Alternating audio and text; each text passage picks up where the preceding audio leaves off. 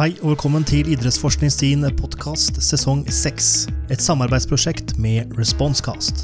Denne sesongen vil omhandle idrettsteknologi. God lytting. Professor Sigmund Loland fra Norges idrettshøgskole, velkommen. Takk. Alt eh, står bra til, antar jeg. Du befinner deg sikkert i Oslo på kanskje NIHs lokaler? Ja, jeg sitter på kontoret mitt på NIH med Sognsvann i Oslo i kanten av Nordmarka. Og der har du jo vært i hele i hvert fall 33 år, sikkert lenger òg? Ja. Jo, jeg har vært der i mange år. Jeg begynte jo på idrettshøyskolen på det som den gang et grunnfag i 1979. Oi, shit, det så jeg. Og så var jeg her et par år, så var jeg på Universitetet i Oslo noen år, og så var jeg i USA et år, og så kom jeg tilbake og var på NIH. Og så har jeg hatt noen utenlandsopphold, og spesielt i USA. Så det har blitt flere år i USA, men utover det i Norge på NIH. Og så er det professor 2 ved HVL, og det er vi veldig stolte av å ha. Ja, nei, det er jeg òg veldig stolt av. Det er en flott institusjon. Eh, vi har også med Anne, Anne, så velkommen til deg også, Anne. Ja, takk for det. Dette er, er jo en uh, podkastserie der vi spiller inn nå første episode, som tar utgangspunkt i en bok du har skrevet, Anne, uh, ved navn Idrettsteknologi. Og da har vi hanket inn ulike eksperter som skal ta for seg ulike kapitler i boka, og der er du også en ekspert, Sigmund Loland, på idrettsteknologi, og spesielt da doping, som vi skal snakke om i en senere episode. Men før vi kommer til innholdet i dagens episode, så ønsker vi å bli litt mer kjent med deg, Sigmund. Så hvis du kan kort forklare hvem du er, og hva du har drevet med og driver med? Ja, jeg jobber jo på idrettshøyskolen og har gjort det som vi var inne på i mange år, å jobbe med idrettsfilosofiske tema, med etikk og med vitenskapsteori. Og de filosofiske tingene jeg har vært interessert i, det handler jo om idrettens egenart, idrett som arena for menneskelig utfoldelse. Hva verdier ligger i idrett? Er no, idrett er ikke noe vi må for å overleve, det er noe vi driver med fordi det gir oss et eller annet. Snakkes mye om idrettsglede, og idrettsglede er jo fint, men idrett handler jo om mange og sterke, mangeartede opplevelser. Smerte, skuffelse, glede, velvære, fellesskap, fiendskap, rivalisering, så idrett er fullt av sånne verdispenninger. Nettopp. Hva, hva, er det du vil si er ditt hovedforskningsfelt? Er det så stort som du pensla det nå, eller kan det kokes ned i, i, en mindre grad? Jeg har jo holdt på lenge, og da har du holdt på med litt forskjellige ting. Så eh, etikk Altså idrettens verdier og verdispenninger, og spesielt verdidilemma, de vanskelige situasjonene. Hva er rett og galt? Hva er en god utvikling, hva er en problematisk utvikling, og hva gjør vi med disse utviklingstrekkene? Det har jeg jo jobba mye med. Doktoravhandlingen min handler om ideale fair play. Rettferdighet, fairness, hva skaper rettferdige rammer. Men jeg har jo jobba med eh, økofilosofi, økologi, miljø å forstå idrett i denne større sammenhengen med bærekraftsideal. Kan konkurranse noen gang være bærekraftig? Spesielt eliteidrett, kan den være bærekraftig? Og hele idealet i konkurransen, så er en eh, vinn-tap-situasjon, kan stride mot bærekraftsidealer som fordrer samarbeid og fellesløsninger. Men ikke nødvendigvis.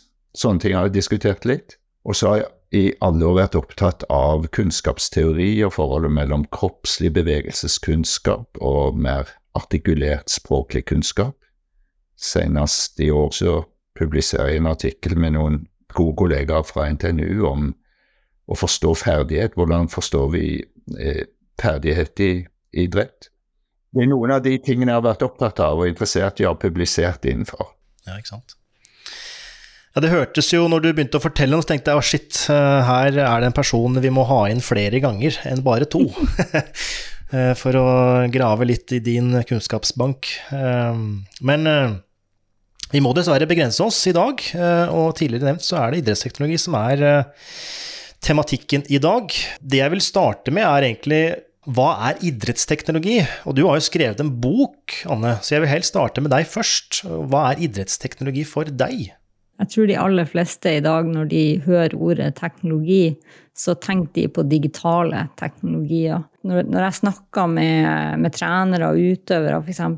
intervjuer de om teknologi, så det de først tenker på da, det er sånne ting som pulsklokkene vi har på, på hendene, eller søvnmonitorer hvis du er et, eh, i en toppidrettskontekst, eller alle de tusenvis av appene som vi har for å registrere trening og prestasjon. og liksom, Jeg heller mer og mer mot at det vi snakker om når vi snakker om idrettsteknologi i dag, det handler mye om det digitale. da. Ja, ja.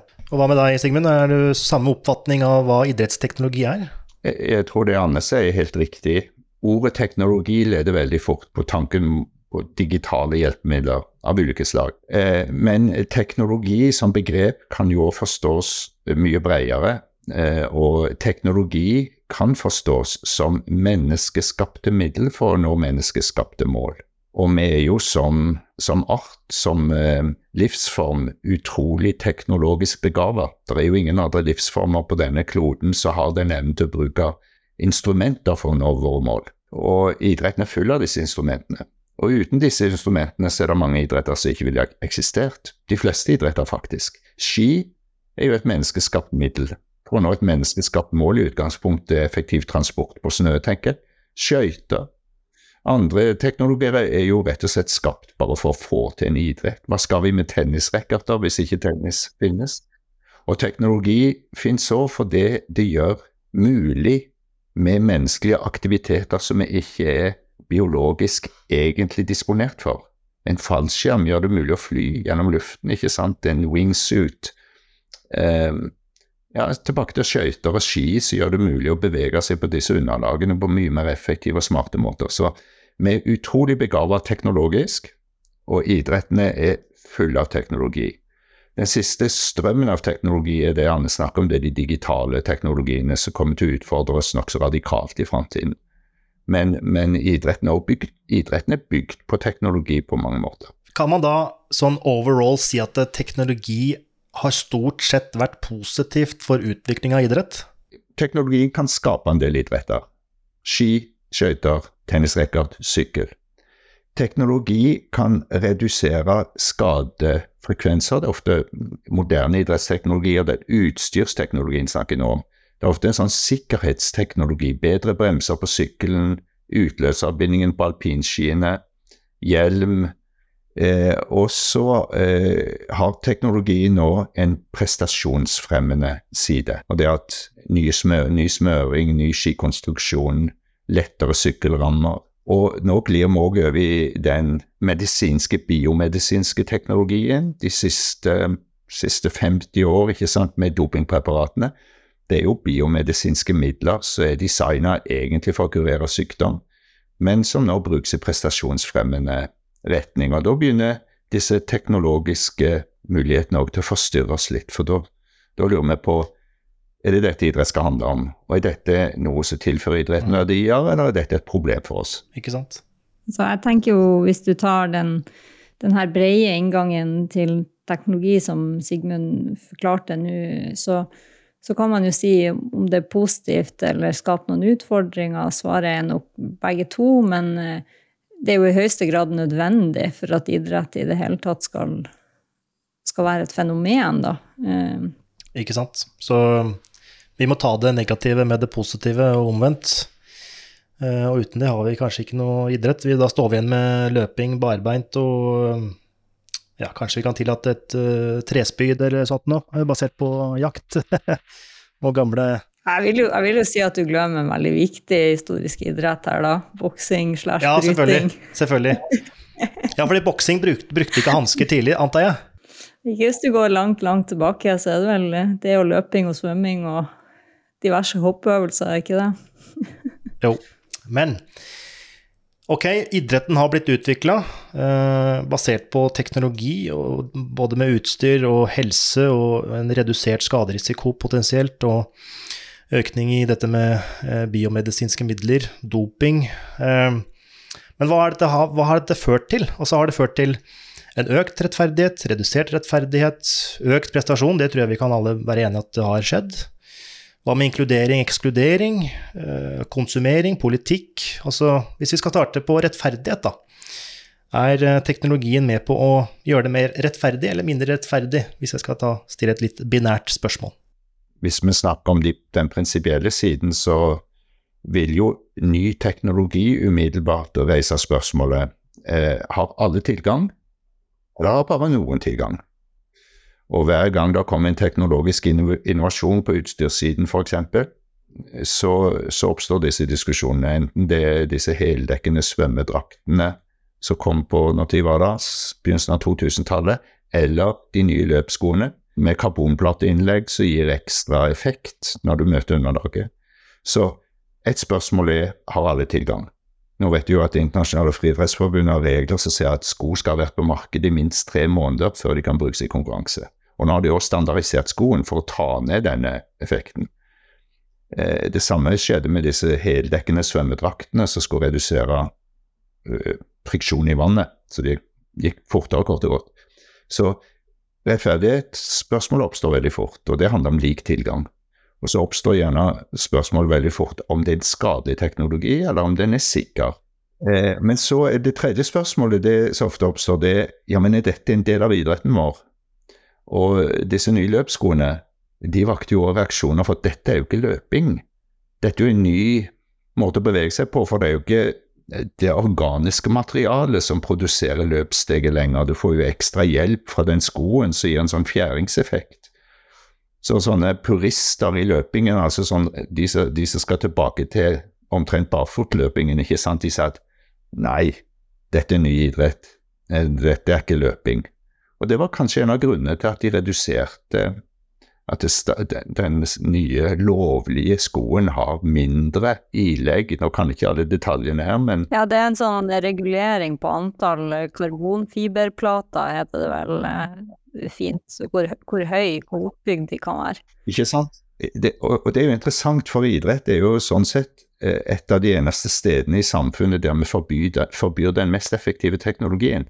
I alle andre sammenhenger vil jo folk klappe i hendene og si at det har vi enda lettere måte å løse et problem på. Det skal være den rette balansen mellom utfordring og prestasjon. Du må ha noe å strekke deg etter. Så mange idretter forbyr det mest effektive teknologien til fordel for mindre effektiv teknologi. Ellers hadde vi jo legalisert doping under medisinsk kontroll, kanskje. Men øh, friidrett, som du nevner, har på en måte satt begrensninger på denne karbonsåren. Men kan man ikke dra, dra paralleller til f.eks. skiidretten og smørning, der jeg, i hvert fall så vidt jeg vet, ikke er noe særlig begrensninger, annet enn man kan ikke bruke fluor fordi det er helsemessig farlig eller noe? Jo, altså Ja, jeg, jeg syns det er et veldig godt spørsmål, fordi jeg, jeg har stadig tenkt hadde det ikke vært interessant hvis man hadde en felles smørebuss og felles smørere, altså at arrangøren på en måte stilte med det. da. Det er noe spesielt med, med, med akkurat uh, skismøringa, og med tanke på det rettferdighetsspørsmålet, da. Ja, det er jeg helt enig i. Eh, denne store ulikheten i støtteapparatet, betydningen av støtteapparatet og teknologien, egentlig, smørteknologien, den gjør jo langrenn urettferdig dette er jo forhold utøver vi ikke kan kontrollere og, og, få ansvar for. Du er en strålende langrennsutøver, du trener like fort, like hardt som alle andre, du har samme talent som alle andre, men i hvert fall under spesielle betingelser så har du ingen sjanse. Fordi du har ikke, de, du har ikke den smøringen. Var det ikke et renn i Norge nå sist sesong der en ga tilbud til alle utøvere med samme smørkompetanse. Fordi langrennsidretten skyter jo seg selv i foten med disse store forskjellene. Til slutt så blir det bare de nasjonene som manner seg, som satser fullt på, på teknologiutvikling i langrenn som konkurrerer, og alle andre resignerer. Så det er veldig uklokt da, med tanke på idrettens framtid. Mm.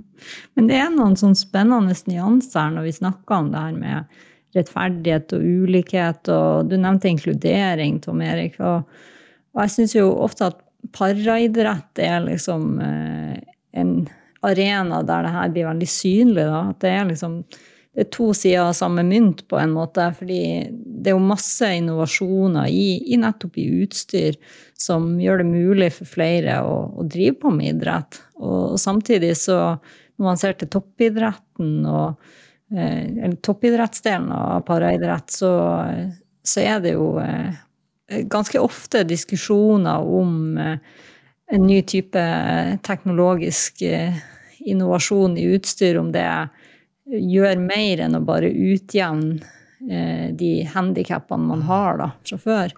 Nettopp. Og der er vel kanskje han som ble dømt for drapet på kona si, Blade Runner. Vel som, Pistorius. Oscar Pistorius. Yes, stemmer.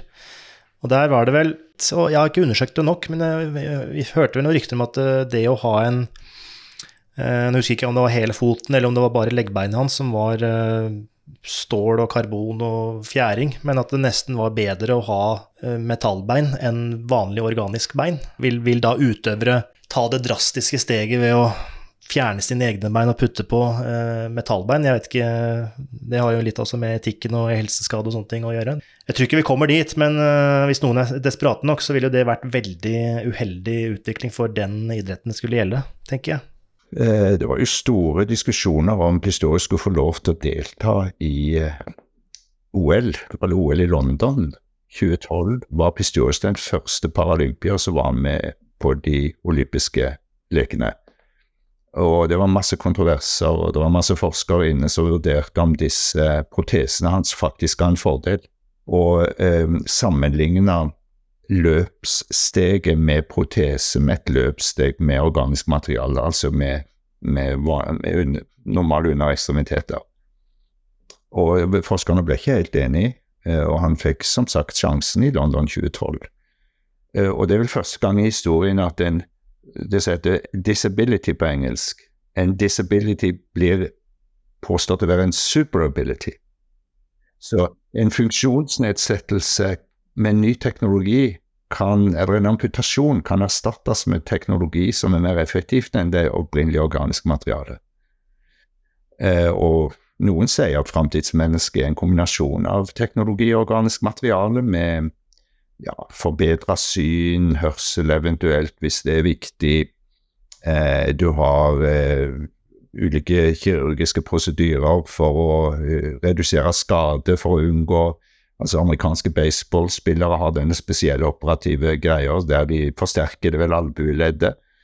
Eh, som er jo på full fart inn i en verden der um, du kan forsterke deler av kroppen med ulike teknologier det som på en måte er fint med det, når vi er inne på inkludering, så er det jo fint at han Pistorius blir inkludert som en øh, ikke ja, funksjonshemmet person og kan konkurrere mot funksjonsfriske. Det er jo et positivt aspekt, men samtidig så blir det jo en kamp mellom, i hvert fall i dette eksempelet, da, inkludering og rettferdighet. når hvis da disse beinene blir bedre enn det vi har fra før av og født med. Dyster fremtid, det høres ut som. I hvert fall utfordrende, ja. ja. Eh, og eh, på samme måte så begynner kjønnsklassifiseringen utfordres i våre dager, så utfordres jo disse grensene for teknologisk erstatning av amputasjoner, f.eks. Og eh, det er jo fantastiske teknologier som kan være av stor verdi i, i samfunnet, men de, idrett er jo litt spesielt med dette med like vilkår, og hva er like vilkår, og dette er en ulikhet du kan leve med. Mm. Du kan tenke deg fra en sesong til en annen. Hvis, hvis jeg har amputasjoner og får en ny og mye bedre protese, så kan jeg kanskje på en 400 meter forbedre meg med ett eller to sekunder. På grunn av protesen. Ikke på grunn av at jeg har lagt om treningen, eller at jeg har trent mer eller mer fornuftig, men altså på grunn av en teknologi som jeg får tilgang til. Så det var en forskjell i den prestasjonsforbedringen der, og prestasjonsforbedringen basert på egen innsats og utvikling av eget talent. Og så er det masse gråsoner her, så det er ingen enkel diskusjon. Men dette presser oss mot sånne grunnleggende spørsmål om hva en idrettskonkurranse egentlig skal handle om. Ja. Og De diskusjonene unngår du ikke i møte med teknologi i idrett. Du må ha en idé om hva idrettskonkurranse skal handle om, og hva du skal måle i en konkurranse. Ja.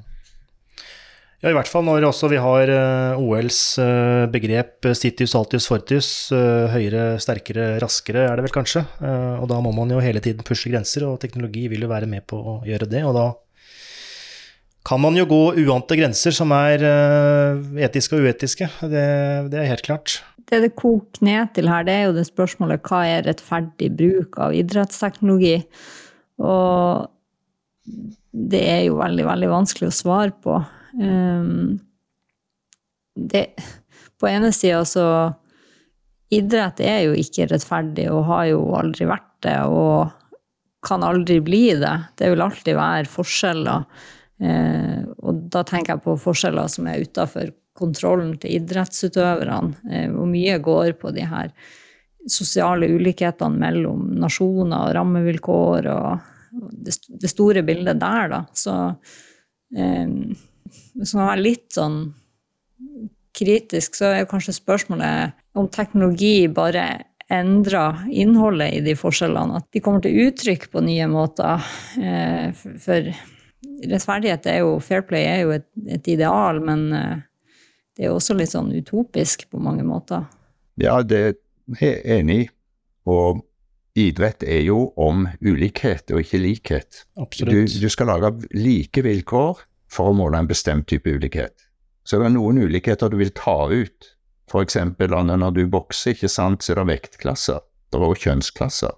Det er ulikheter som i boksingen eh, Hvis de dominerer utfallet av en boksekamp, så blir det ikke boksing lenger. Da er det bare et spørsmål om hvem har størst og lengst eh, arm, arm Hva sier man? Slagvidde osv. Så, videre. så du vil kultivere bestemte ulikheter i boksing. Alle idretter har denne ideen om denne idretten handler om denne bestemte ulikheten.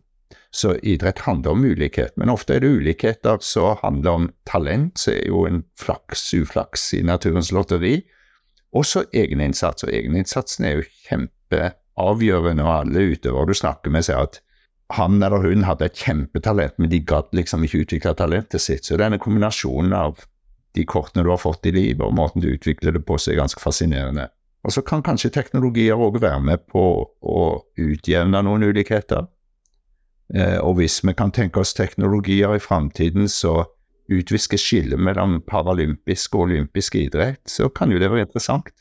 Eh, så det ligger mange muligheter i, i teknologi nå. Mm, mm. Men det ene er å på en måte gjøre ting rettferdig og, og, likt. Men samtidig så kan idretten miste litt av sin sjarm hvis man gjør ting altfor likt. At man uh, har en felles smørebuss, eller at uh, man uh, har introdusert VAR, slik at dommeravgjørelsen skal være rettferdig mellom lagene. man har gjort noen begrensninger i Formel 1 på, på budsjettak mellom lagene. mister vi litt av grunnlaget for hvorfor vi liker idrett med å gjøre allting for likt? Jeg syns jo VAR er det liksom mest treffende eksempelet på det her akkurat nå, da. For eh, sant, på en måte er det veldig vanskelig å argumentere imot VAR. Det er en, en teknologi som eh, skal bidra til større rettferdighet i utfall av, av kamper, og det skal være et verktøy for dommere. og altså, hvem vil vel ikke ha eh, mer rettferdig utfall i idrettskonkurranser? Det er vanskelig å rekke opp hånda og si at nei, det, det, det ønsker vi ikke. Men uh, samtidig så har det, jo, har det jo vært, og er jo fortsatt, et ganske sånn kraftig supporteropprør uh, mot uh, innføringa av VAR. og det interessante der er jo at det opprøret går jo mye nettopp på at det, denne teknologien gjør noe med kampene. Det, blir, det gjør noe med den følelsen av å være på stadion. fordi du kan ikke juble etter ei scoring, f.eks. Du må vente og se om det, det her er en var-situasjon. Eh, og det tenker jeg er et uttrykk nettopp for det her at eh, eh av, og til så, så mister vi noe eh, når vi tar i bruk nye hjelpemidler eh, som var. Eh, og da blir det jo ei vurdering. Får vi mer enn vi må gi avkall på, eller er prisen for høy? Eh, blir det, blir det kjedelig å se på fotballkamper med VAR, f.eks.? Mm. Hva tenker du, Sigmund? Jeg tenker det samme, egentlig. At um, det kommer an på perspektiv. Hvis du anvender, som du var inne på, blindt anvender rettferdighets-, likhetsprinsipper, eh, eller du omtrent forsøker å gjøre om en konkurranse til et vitenskapelig eksperiment, da bommer du jo. Eh, det skal være upredikerbare element. Det skal være eh, drama, kan du si. Spenning, usikkerhet er en del av fascinasjonen for idrett. Um, VAR er jo klønete innført, kanskje. Det er jo Altså Det at du ikke har en teknologi som kan avgjøre om ballen faktisk var over mållinja eller ei, det, å få en teknologi som, avgjør det sikkert, det vil jeg jo absolutt si ja til. Eh, men kanskje brukes det i for mange situasjoner. Den er litt klønete innført. Jeg er enig i kritikken av VAR, men i prinsipp så syns jeg at VAR er en god teknologi. Hvis han kan eliminere menneskelige feil på dommersiden, og det står jo òg om millioner og noen ganger milliarder om den ballen var inne eller ei. Opprykk, nedrykk, kvalifisering til Champions League, ikke kvalifisering. Så at du kan ta ut unødvendige menneskelige feil der, det høres fornuftig ut. Men det er betydelige utfordringer med implementering. Jeg tenker på smøring, som du var inne på smøring har jo blitt en konkurranse i konkurransen, sånn på et underholdningsperspektiv. Og journalistene smyger rundt disse smørebussene og prøver å intervjue smøresjefene, som òg har blitt en slags nye helter i langrennssirkuset. Og det er jo veldig viktig å ha bedre ski enn svenskene, ikke sant. Så hvis alle får samme ski, så tar du kanskje noe ut av underholdningsaspektet, men det blir en mer rettferdig konkurranse. Så det er mange hensyn her. Mm, mm.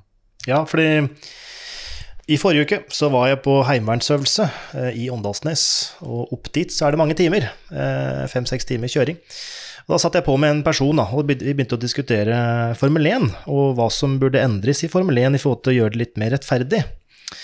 Eh, og da hadde hans forslag om at ja, alle burde kjøre like biler, for da er det utøveren som måte, Det er det vi tester, det er det vi avgjør om det er best eller ikke.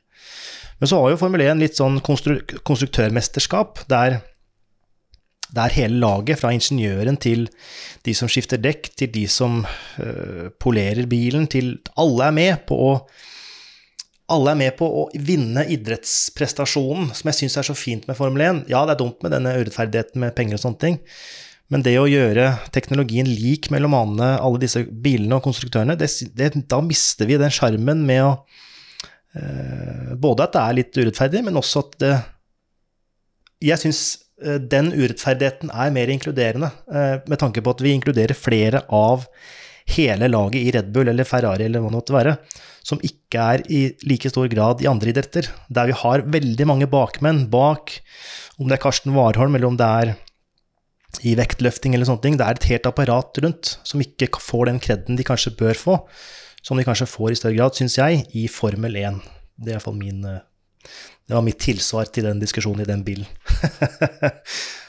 du er jo liksom rett på det der da med at eh, det blir Jeg tror vi kommer til å stå, eller idretten kommer til å stå i veldig mange sånne avveininger eh, fremover med hva, hva, får vi, og hva mister vi eh, med det mylderet av teknologier som utvikles og som kan brukes i idrettsformål. Um, og, og, selvfølgelig det her med måten man implementerer det og tar det i bruk på, er jo veldig, veldig viktig i den sammenheng. Og da, da er vi jo kanskje mer inne på liksom det politiske og idrettsorganisasjonene og eh, behovet for styring eh, rundt eh, utvikling og innføring av, av, nye teknologier i idretten. Jeg er enig i at eh, vi diskuterer jo mye eliteidrett her nå. Og utøverne er jo toppen av et isfjell, som du er inne på. Uh, og om det er en større del av isfjellet som får bli med i formelsporten enn i mange andre idretter, det er sikkert riktig. Uh, mens disse Formel 1-førerne, de dyrkes jo det, det, er jo veldig sterk heltedyrking og personifisering, individualisering av prestasjon der òg. Men det er sikkert riktig. Men, og noen idretter prøver å regulere støtteapparatets betydning i selve konkurransen, i alle fall tradisjonell regel i tennis er at du har ikke lov til å coache under kampen. Er det litt endringer der, kanskje. Husker ikke farten. Hittil nå har vi snakket veldig mye om selve idretten, utøveren, eh, litt av apparatet rundt. Men eh, vi har jo også oss som konsumerer idrett. Hvordan har eh, teknologi på en måte påvirket hvordan vi konsumerer idrett gjennom tidene? Jeg vil jo si at vi er jo kommet mye, mye tettere på utøverne. Eh, det er det første jeg tenker på. Da tenker jeg egentlig, egentlig primært på sosiale medier. Eh, altså Du kan jo si liksom, den tradisjonelle sportsjournalistikken og gå på stadion og høre kamper på radio og se på TV. Og, og nå så er du De aller fleste idrettsutøvere eller veldig mange idrettsutøvere er aktive på sosiale medier på forskjellige plattformer med både bilder og video og fra trening og også fra mange fra privatlivet. Så jeg vil si som, som konsument da, så har man en, en helt annen sånn nærhet til uh, utøverne primært, da. Uh, og så er det jo det er selvfølgelig det er jo et stort forskningsfelt, det her med sosiale medier og, idrettsutøvere. Og de som er litt sånn kritiske til det her, vil jo fort si at særlig i toppidrett så er det mye av det som utøverne legger ut, det er nøye planlagt, og det er omdømmehåndtering, og det er kanskje ikke utøverne som legger ut sjøl i det hele tatt. De har kanskje ansatt noen for å bygge opp en bestemt type profil eller merkevare. Eh, så snakker man jo ofte om sånn athlete branding, da. Eh, så det er jo en, en dimensjon i det. Eh, men, men, akkurat på dette feltet så syns jeg faktisk at e-sporten er liksom er litt sånn ekstra spennende, da. Fordi i og med at den, den er jo du, du gjør jo e-sport med digitale medier, eh, med spill, så, så, er det jo veldig, veldig vanlig at, at man kan følge e-sportkamper live via streaming. At du har liksom du kan høre det spillerne sier til hverandre. De kan kommentere sine egne prestasjoner mens, mens de spiller. Eh, så, så, tenk liksom Tenk om du kunne få teppa inn på tankene til eh, eh, Messi eller Ronaldo rett før de tar straffe. Det, det, er jo på det nivået. Så, så det syns jeg jo er, er en veldig sånn artig ekstra dimensjon med e-sporten. og og litt av det samme ser vi jo egentlig nå òg med dømming. Jeg vet I ishockey er det begynt å festes mikrofoner på, på dommerne, da. Og media er selvfølgelig veldig interessert i å, å få lov til å eh, spille det her ut til publikum. Så, så, det er utrolig mye man kan snakke om der, men, eh, men det er nå det første jeg, jeg tenker på, da. Dette åpner en ny verden, det Anne er inne på nå. og Det er bra Anne og andre går inn og forsker mer på hva alle disse digitale teknologiene og de sosiale mediene betyr for både vårt syn på idrett og utøveropplevelsen av idrett. Så han er inne på mange ting her. Vi er jo vi nå i slutten av september, og jeg leste en artikkel på VG Nett i dag med et intervju om alt bråk i Skiforbundet. Utøvere vil ikke skrive under på de nye kontraktene, de vil ha markedsrettigheter, egen profilering osv. Og, og det var et intervju med den legendariske treneren Finn Aamodt, som sier at i hans tid, for noen tiår tilbake, så fikk du kontrakten på bordet undertegna som utøver. Men vi lever i en annen tid nå, ser han, i tiden med sosiale medier, utøvere profilerer og kommuniserer sjøl og skaper sitt omdømme, og har en helt annen kraft og makt eh, i forhold til forbundet enn bare for noen få tiår siden. Så det er mye kritisk å se om de sosiale mediene. De kan jo bli fengsel for folk. Du må skape et omdømme. Du kan ikke bevege deg utenfor døra di før noen rapporterer hva du gjør. Men det ligger òg sånn makt- og frigjøringsperspektiv der utøverne eh, har en enorm følgerskare, enorm sympati, og de stiller med helt andre kort i forhold til f.eks. For sitt forbund enn tidligere. De kan sette press på forbundet. og Aamodt mener jo at hele denne organisatoriske og politiske maktfordelingen i spesielt eliteidretten forrykkes nå, med grunnlag bl.a. i sosiale medier. Det er interessant utvikling, og det viser noe av teknologiens kraft, egentlig. Ja, ja. Er det en positiv eller negativ utvikling, det du nevner der til slutt, Sigmund? At uh, slik jeg forstår det, så får forbundet litt mindre makt uh, enn hva det var før? og det, dette Ja, det har nok vært en veldig sånn sterk asymmetri i maktforhold der utøvere gjør det de får beskjed om av et nokså dominerende forbund. Men eh, både pro og con styrker utøverrettigheter, styrke utøveres innflytelse på egen situasjon. På en annen side åpner det jo veldig opp for at utøver forfølger sine egne kommersielle interesser og ikke bryr seg om fellesskapet. Så det er definitivt et dilemma. Ja, og det er vel uh, utfordring av uh, det som er satt, er vel også en del av uh, Hvis vi skal få til litt utvikling, uavhengig om det er idrett eller i forbund eller om det er ulike steder, så trenger man å utfordre det satte. Og e-sporten enormt, enorm utvikling og et enormt felt å diskutere teknologi. Er det idrett? Bør det bli en del av den frivillige idrettsbevegelsen? Bør det statsstøttes? Bør det integreres, bli en del av de olympiske leker? Alle disse prosessene er jo allerede i gang. Dette utfordrer også både vår idé om hva idrett er, og òg organisasjon og maktrelasjoner i idrett. Der um, E-sport drives jo fram av kommersielle spillprodusenter, og ikke av lokale klubb og internasjonale forbund. Det er jo en helt annen verden. Eh, og den verden møter denne tradisjonelle idrettsverdenen nå, på, på godt og vondt. Og alt dette er, er et resultat av en rivende teknologisk utvikling. Ja, E-sport er jo jeg vil jo si liksom, Det er kanskje det fremste eksempelet på at teknologi kan gi nye idretter. Det er jo òg nå de siste årene kommet Tenk med kunstig intelligens, da med KI, så er det jo òg jeg holdt på å dette av stolen første gang jeg hørte om Speedgate. Jeg vet ikke om, eh, jeg kjenner ikke til dere det. har eh, Nei. Hva, hva, hva er det? Ingen, ingen, jeg, ingen jeg nevner til, har hørt om det. Har du hørt om det, Sigmund? La, få oss til dette stolen. Jeg har hørt om speeddate, men ikke speedgate. Ja. Nei, det blir noe annet. Speedgate er altså den første idretten som er utvikla av kunstig intelligens, der man har analysert Altså, man har laga en algoritme der man har plotta inn regler fra masse, masse forskjellige ballspill, og så har liksom laget en ny idrett. Men eh, du datt av stolen fordi AI kunne lage en idrett, eller at uh, idrettens regler i denne Speedgate var så utrolig, eller sånt noe?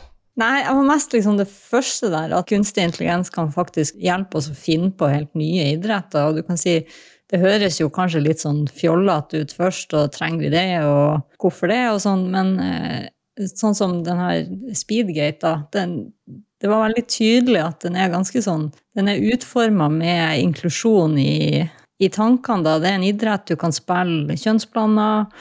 For min egen del, da, før jeg hørte om Speedgate, så når jeg tenkte på kunstig intelligens i idrett, så var det egentlig knytta til dømming. Altså at sånn som baseball har begynt å eksperimentere med robotdommere. Så I den sammenhengen så eh, innleda du, Sigmund, med at eh, teknologi var på en måte menneskeskapte midler. Og KI er jo menneskeskapt. Men Speedgate er jo et KI- eller AI-produsert idrett. Må den definisjonen da omformes i forhold til at menneskeskapt slash kunstig intelligensskapt, det er det som er teknologi? Du kan si at Den biomedisinske teknologien den gjør oss i stand til å overskride egentlig vår biologi. Moderne genredigeringsteknologier kan jo faktisk forandre den genetiske oppsettet hos et menneske, hos neste generasjon. Så det er dramatiske konsekvenser. Vi, trer ut av evolusjon og former oss sjøl. Hva gjør AI? Eh, vel, AI på samme måte som denne genetiske teknologien bygger på menneskelig genmateriale, så bygger jo AI på menneskelige produkter av menneskelig intelligens. Så ved hjelp av, av produkter av menneskelig aktivitet, som jo er menneskeskapt, som du spør om, blir selskapene og selvgenererende og uavhengig av oss. Og det er jo den store frykten, at du her ender opp med, med intelligente systemer så til de grader overskrider vår intelligens. Og så er spørsmålet vil de ivareta det vi holder som vår moralske sans, god dømmekraft, evnen til å veie mellom verdier, eh, eller blir det rene sånne teknologimaskiner som bare går etter de mest effektive løsningene, koste hva det koste vil til enhver tid. Altså, det er skrekkscenarioer her, og det er utopiske forestillinger om at dette vil redde verden. Og vi vil nok se begge deler. Akkurat det med, med kunstig intelligens eh, det er litt sånn som e-sport. Hvis du har noen sånn varsler på Google Scholar og Sportdiscuss og sånn, så kommer det nye ting hver dag. Så det er jo en samfunnsmessig rask utvikling. Men vi som idrettsforskere er jo opptatt av det som er hett på idrettsfeltet, så um, Jeg har jo en lærebok i idrett og samfunn på videregående skole, og der er det et kapittel om Det het opprinnelig idrett og massemedier. Det var den gang vi snakket om massemediene. Og det husker jeg skrev 2009. Nå reviderte boka nå i fjor. Eh, altså, det er så utdatert at det var pinlig. Så på ti år så har f.eks. sosiale medier, typer og bruk, bare eksplodert. Jeg skrev nesten ingenting om det i 0910. Ja.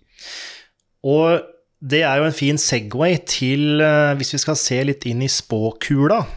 Hva er det vi Altså KI, ja, vi snakket om det, men hva er det vi rent idrettsteknologisk, eh, hva er det som kommer? Er det, hvis vi skal spekulere, altså Speedgate var jo helt nytt for meg, eh, men er det noen andre ting som er helt i fronten av idrettsteknologi, som kommer, har nettopp kommet, eller som vi veit kommer om fem-ti år?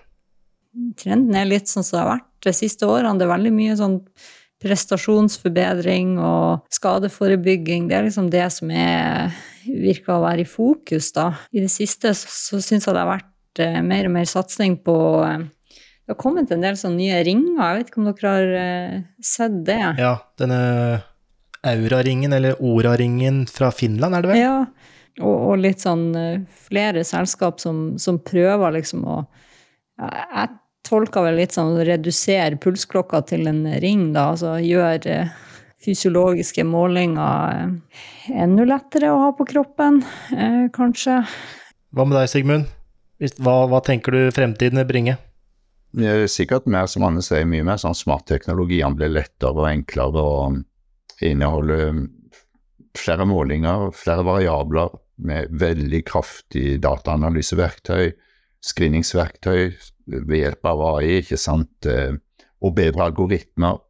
Det å manipulere deler av kroppen vi ikke har manipulert. Vi har manipulert muskler og hormonbalanse og eh, blod. Men òg å få opp teknologier som kan påvirke og manipulere vår kognitive evne. Det tror jeg vi vil se mer av i framtiden. Har dere sett uh, den serien som heter Black Mirror? På Netflix. Den er sånn er Forferdelig. Ja, for den er sånn eh, Du snakker om science fiction og ting som blir virkelig, men den er liksom akkurat sånn Det er ikke så langt fremme heller. Nei. Nei.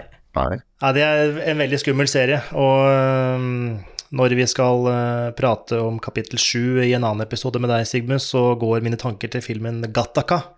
Veldig bestemmende i forhold til gener og hva du blir og ikke blir, og om du, hvor når du dør og sånne ting.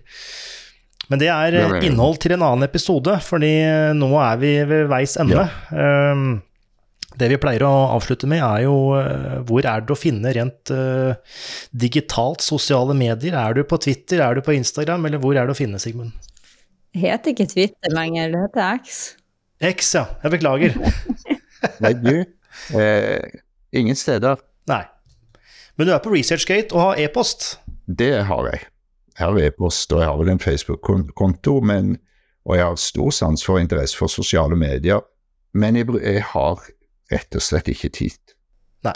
Jeg tror vi, i hvert fall jeg, eh, jeg kan kun snakke for meg sjøl, burde brukt litt mer, eller mindre tid på sosiale medier og skjerm. Så jeg skal nok ta med meg eh, dine tips, eller i hvert fall eh, din filosofi rundt dette. Tiden renner fra oss, så jeg vil eh, bare avslutte med å takke for praten, Sigmund, og Anne. Anne blir jo med oss videre i alle episoder, mens du, Sigmund, du ser vi igjen, hører vi igjen i kapittel sju. Men uansett, takk for praten. Takk.